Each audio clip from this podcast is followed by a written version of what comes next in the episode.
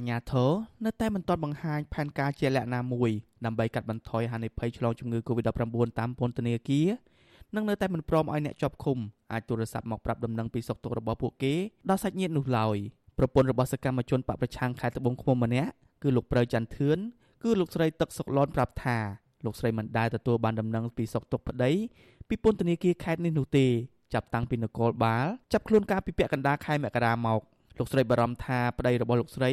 នឹងធ្លាក់ខ្លួនឈឺក្នុងពន្ធនាគារព្រោះលោកប្រៅច័ន្ទធឿនមានជំងឺប្រចាំកាយនិងពិការភ្នែកឆ្វេងមួយចំហៀងលោកស្រីទឹកសុកឡនស្នើសុំក្រសួងយុតិធធ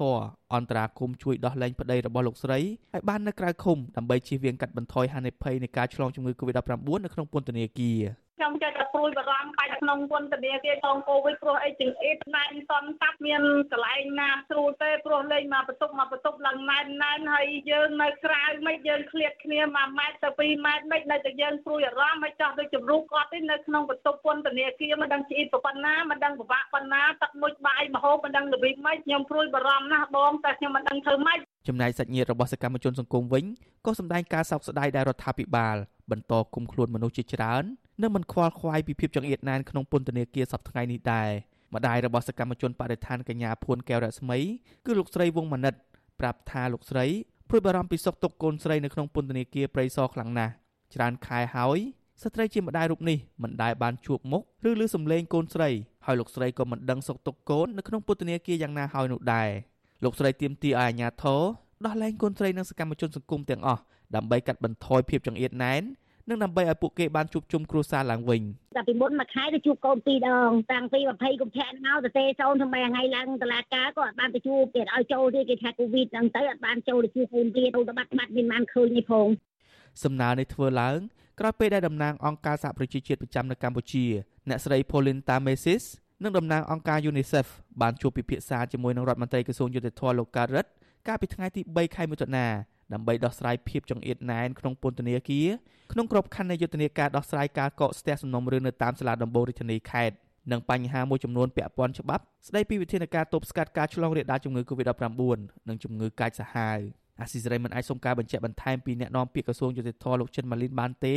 នៅថ្ងៃទី6ខែមិថុនាជុំវិញកិច្ចពិភាក្សាគ្នានោះអាស៊ីសេរីក៏មិនអាចសុំការបញ្ជាក់ពីបច្ចុប្បន្នភាពនៃការឆ្លងជំងឺ Covid-19 តាមពន្ធនាគារពីអ្នកនាំពាក្យអគ្គនាយកដ្ឋានពន្ធនាគារលោកនុតសាវណ្ណាបានដែរនៅថ្ងៃដដែលនេះទោះជាយ៉ាងណាសង្គមស៊ីវិលគាំទ្រជំនួបដែលមានការលើកឡើងពីដំណោះស្រាយសម្រាប់បញ្ហាប្រឈមក្នុងពន្ធនាគារនាយករងអង្គការលីកាដូទទួលបន្ទុកផ្នែកសិទ្ធិមនុស្សលោកអំសំអាតសង្កេតឃើញថាព័ត៌មាននៃការឆ្លងជំងឺ Covid-19 ក្នុងពន្ធនាគារមិនទាន់មានដំណាភាពនោះទេតែយ៉ាងណាលោកយល់ថាស្ថានភាពនេះមានហានិភ័យខ្ពស់សម្រាប់អ្នកជាប់ឃុំលោកអំសំអាតនៅតែជំរុញឲ្យអាជ្ញាធរ អនុវត្តការកាត់បន្ថយចំនួនអ្នកជាប់ឃុំក្នុងពន្ធនាគារឲ្យបានលឿនបំផុតតាមការដែលអាចធ្វើបានដើម្បីទប់ស្កាត់ការឆ្លង COVID-19 នៅតាមពន្ធនាគារ ដោយសារតែយើងមិនមានព័ត៌មានគ្រប់គ្រាន់ហើយព័ត៌មានតម្លាភាពពីការទទួលបានណាយ៉ាងហើយបានយើងអង្គការគាត់ថាចង់ឲ្យមានព័ត៌មានតម្លាភាពទៅដើម្បីទី1វាអាចនឹងអ្នកដែលអង្គការអន្តរជាតិឬក៏ស្ថាប័នដែលចង់ជួយនេះគេមានព័ត៌មានគ្រប់គ្រាន់ទី2ដើម្បីកុំឲ្យក្រុមគ្រួសាររបស់ជនជាប់ឃុំហ្នឹងគឺមានការបារម្ភដោយសារមិនទទួលបានព័ត៌មាននោះជាមួយគ្នានេះអង្គការសង្គមស៊ីវិលចំនួន20ផ្សេងទៀតបានចេញសេចក្តីថ្លែងការណ៍រួមគ្នាកាលពីថ្ងៃទី4ខែមិថុនា ស្នើសុំឲ្យតុលាការនិងរដ្ឋាភិបាលដោះលែងអ្នកទោសមនសិការទាំងអស់ចេញពីពន្ធនាគារអង្គការសង្គមស៊ីវិលទាំងនោះយល់ថាហានិភ័យខ្ពស់នៃការឆ្លងជំងឺ Covid-19 តាមពន្ធនាគារពេលនេះបណ្ដាលឲ្យអ្នកទោសទាំងអស់ប៉ះពាល់ទាំងសុខភាពផ្លូវចិត្តនិងផ្លូវកាយម្យ៉ាងទៀតអ្នកជាប់ឃុំតាមពន្ធនាគារមិនអាចអនុវត្តគោលការណ៍ណែនាំរបស់ក្រសួងសុខាភិបាលដូចជាការថែរក្សាអនាម័យការរក្សាគម្លាតសុវត្ថិភាពបានទេក៏ត្រឹមដើមខែមិថុនាអាជ្ញាធររកឃើញថាមានពន្ធនាគារចំនួន6 ត្រូវបានរកឃើញថាមានអ្នកជាប់ឃុំឆ្លងជំងឺ Covid-19 ទោះជាយ៉ាងណាកន្លងមកមន្ត្រីជាន់ខ្ពស់គ្រប់គ្រងពន្ធនាគារធ្លាប់បដិសេធសំណើដោះលែងអ្នកជាប់ឃុំនិងអះអាងថារដ្ឋាភិបាលអាចគ្រប់គ្រងស្ថានភាពក្នុងពន្ធនាគារបានដោយដាក់អ្នកឆ្លងជំងឺ Covid ដាច់ដោយឡែកប៉ុន្តែសាច់ញាតិរបស់អ្នកជាប់ឃុំនិងសង្គមស៊ីវិលមិនជឿជាក់លើការអះអាងនោះទេព្រោះស្ថានភាពក្នុងពន្ធនាគារមានភាពចង្អៀតណែនហើយនោះខ្ញុំបាទជាចំណានអាស៊ីសេរីពីរដ្ឋធានី Washington